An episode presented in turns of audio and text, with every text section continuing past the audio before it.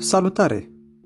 Sunt Andrei, gazda ta, și te invit la podcastul Terapie prin cuvinte. Astăzi îți voi vorbi despre manipularea psihologică și efectul gaslighting. Nu am crezut că există până nu am pățit-o pe pielea mea.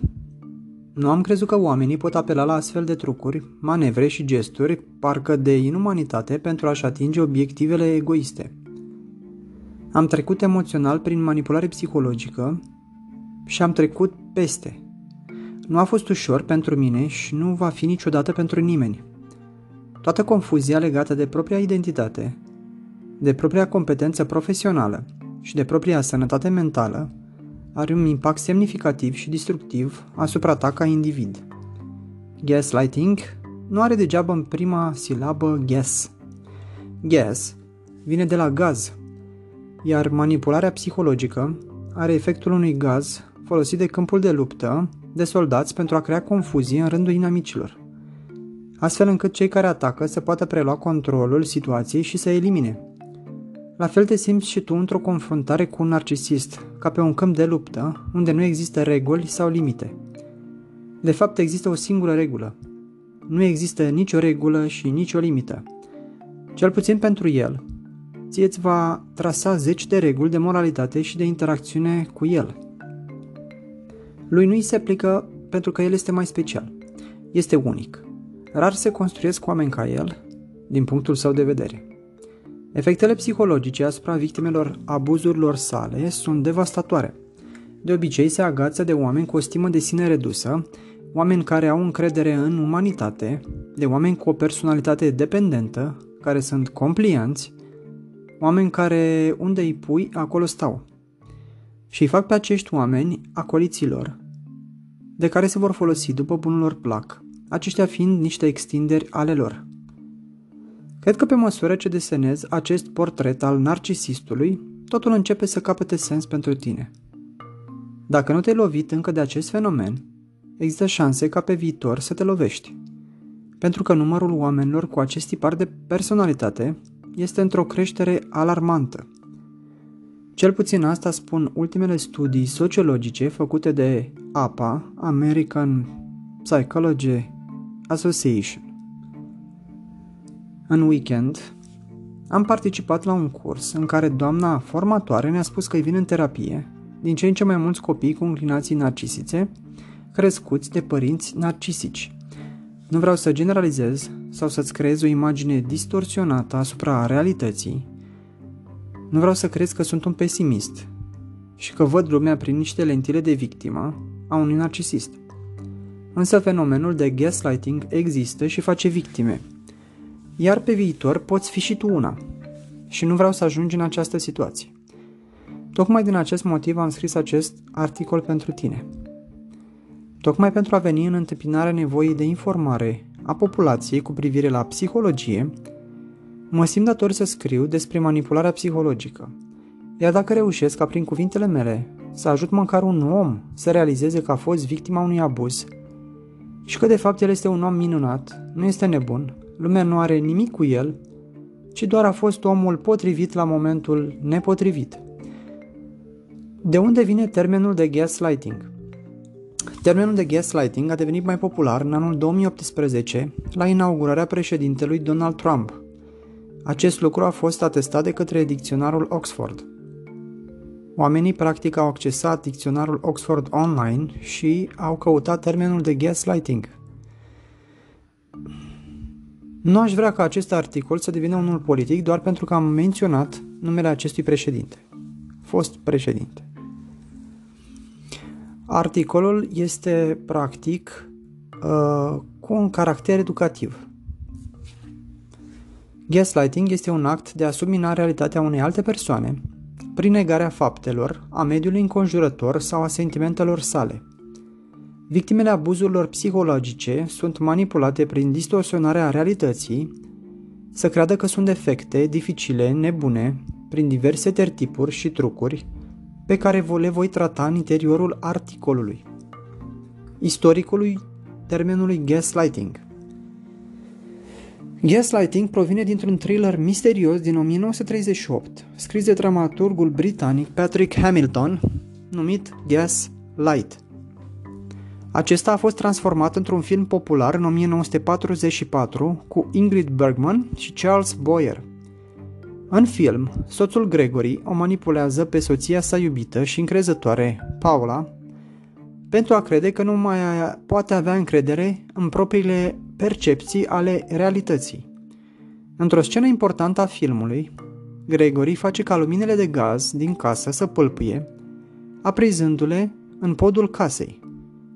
Totuși, când Paula întreabă de ce luminile de gaz pâlpâie, el insistă că nu se întâmplă acest lucru cu adevărat și că totul este în mintea ei. Acest lucru o determină pe Paula să se îndoiască de percepția sa despre sine. De aici s-a născut termenul gaslighting, iluminare cu gaz. Cum se transformă cineva în gaslighter?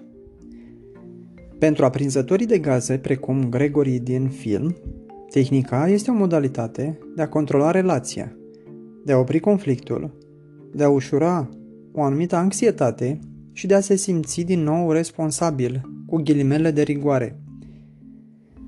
Este o modalitate prin care cineva se poate abate de la responsabilitate și prin intermediul căruia poate dărâma pe altcineva.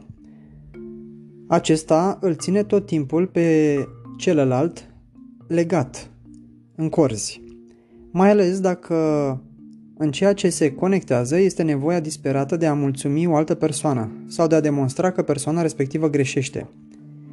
Oamenii nu s-au născut cu această tehnică, așa cum s-au născut introvertiți sau extrovertiți. Un gaslighter, adică un aprinzător, este un maestru al învățării sociale. El fie a asistat la comportamentul altui gaslighter, fie a simțit pe pielea lui efectele sale și observă că este un instrument puternic și îl folosește. Este o strategie cognitivă pentru autoreglare și corregulare emoțională.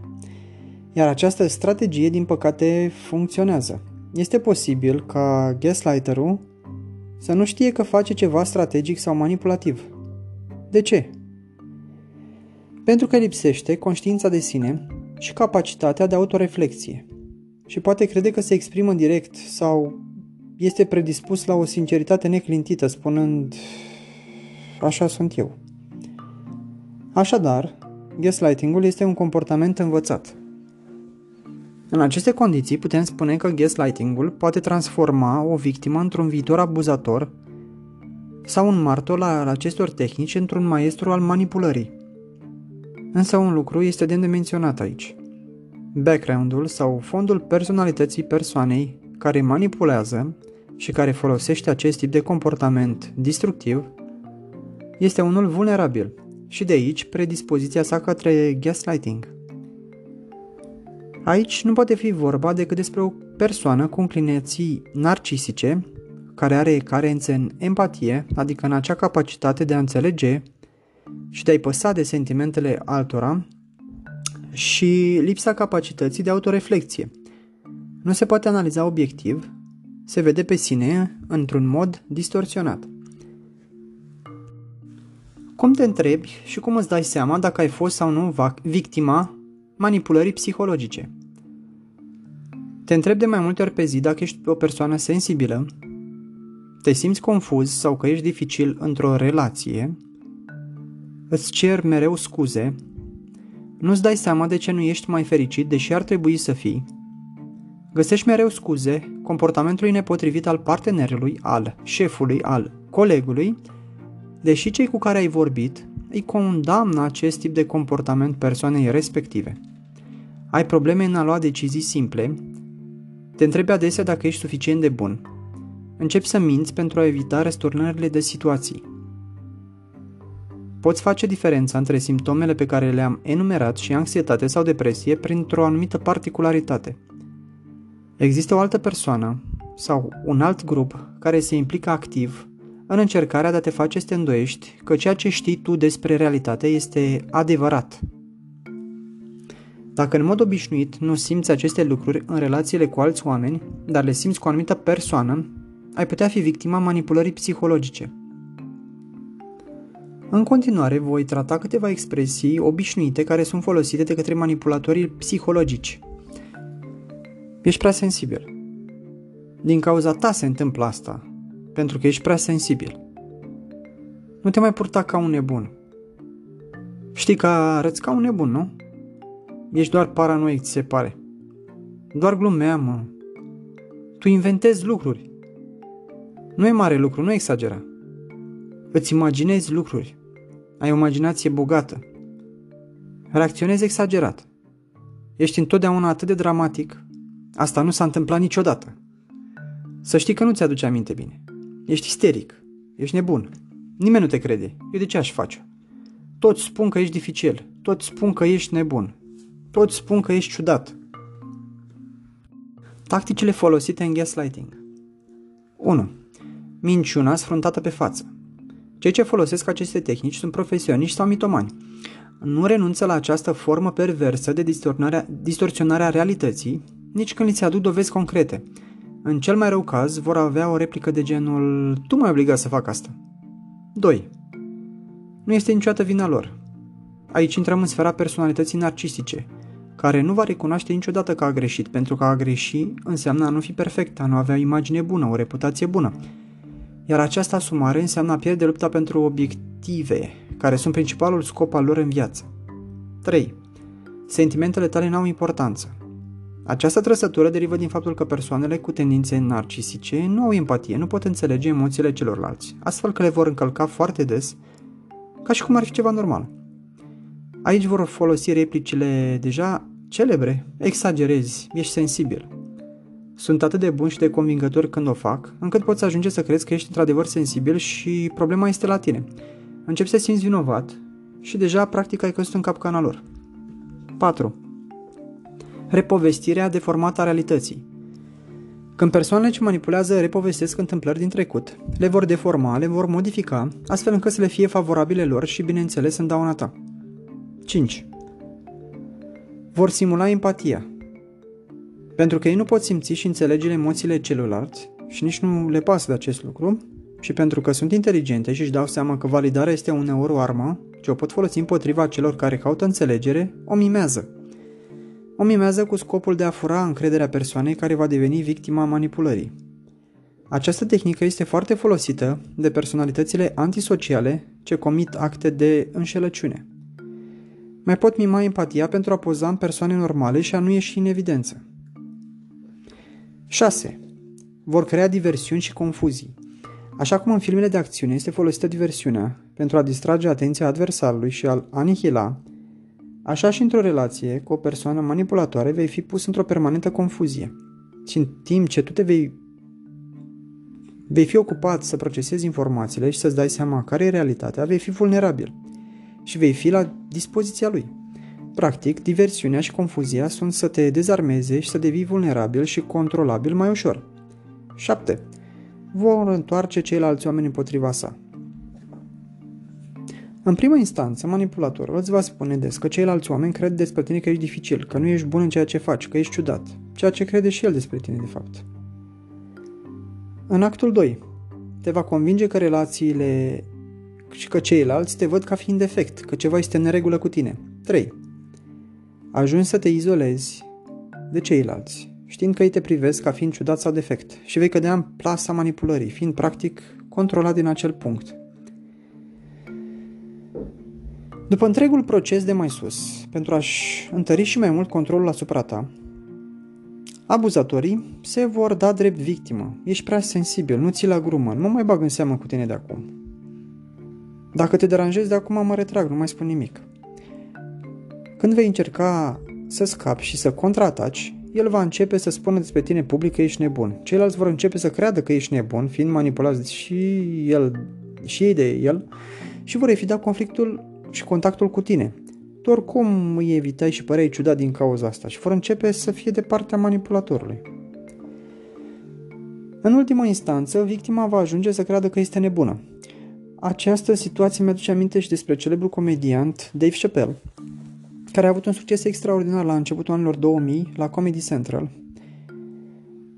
cu Chappelle Show, dacă ai auzit de el, și a refuzat să facă anumite compromisuri cerute de producători. Însă fiind uh, sub contract, el avea avantajul dacă pleca. Astfel încât au încercat și au început să-l manipuleze, să-i facă tot felul de scenări ridicule pe platoul de filmare, în relațiile directe cu el, să lanseze zvonuri publice ca nebunit, astfel încât el personal și-a dat seama, și-a dat demisia și a pierdut un contract de 50 de milioane de dolari. A fost atât de marcat de acele abuzuri psihologice, încât uh, și-a cumpărat un bilet de avion într-o altă țară exotică și și-a sunat familia abia după ce a aterizat.